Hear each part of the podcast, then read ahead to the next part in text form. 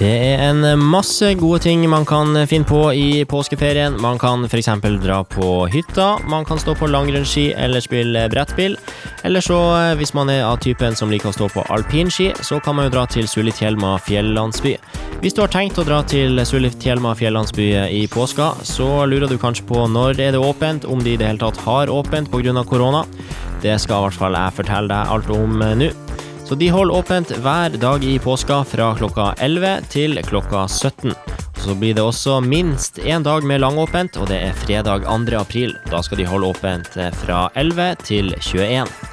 Og eh, de er veldig nøye på at eh, de skal følge nasjonale og lokale retningslinjer når det kommer til smittevern.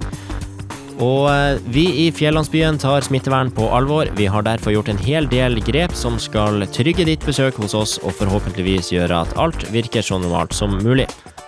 Og så er de eh, opptatt av at du skal følge tre grunnregler, grunnregler og det er altså én bli hjemme hvis du føler deg syk, to vask hendene og host i armhula, husk at hansker også kan smitte, og tre hold minst to meter avstand fra de du ikke bor sammen med.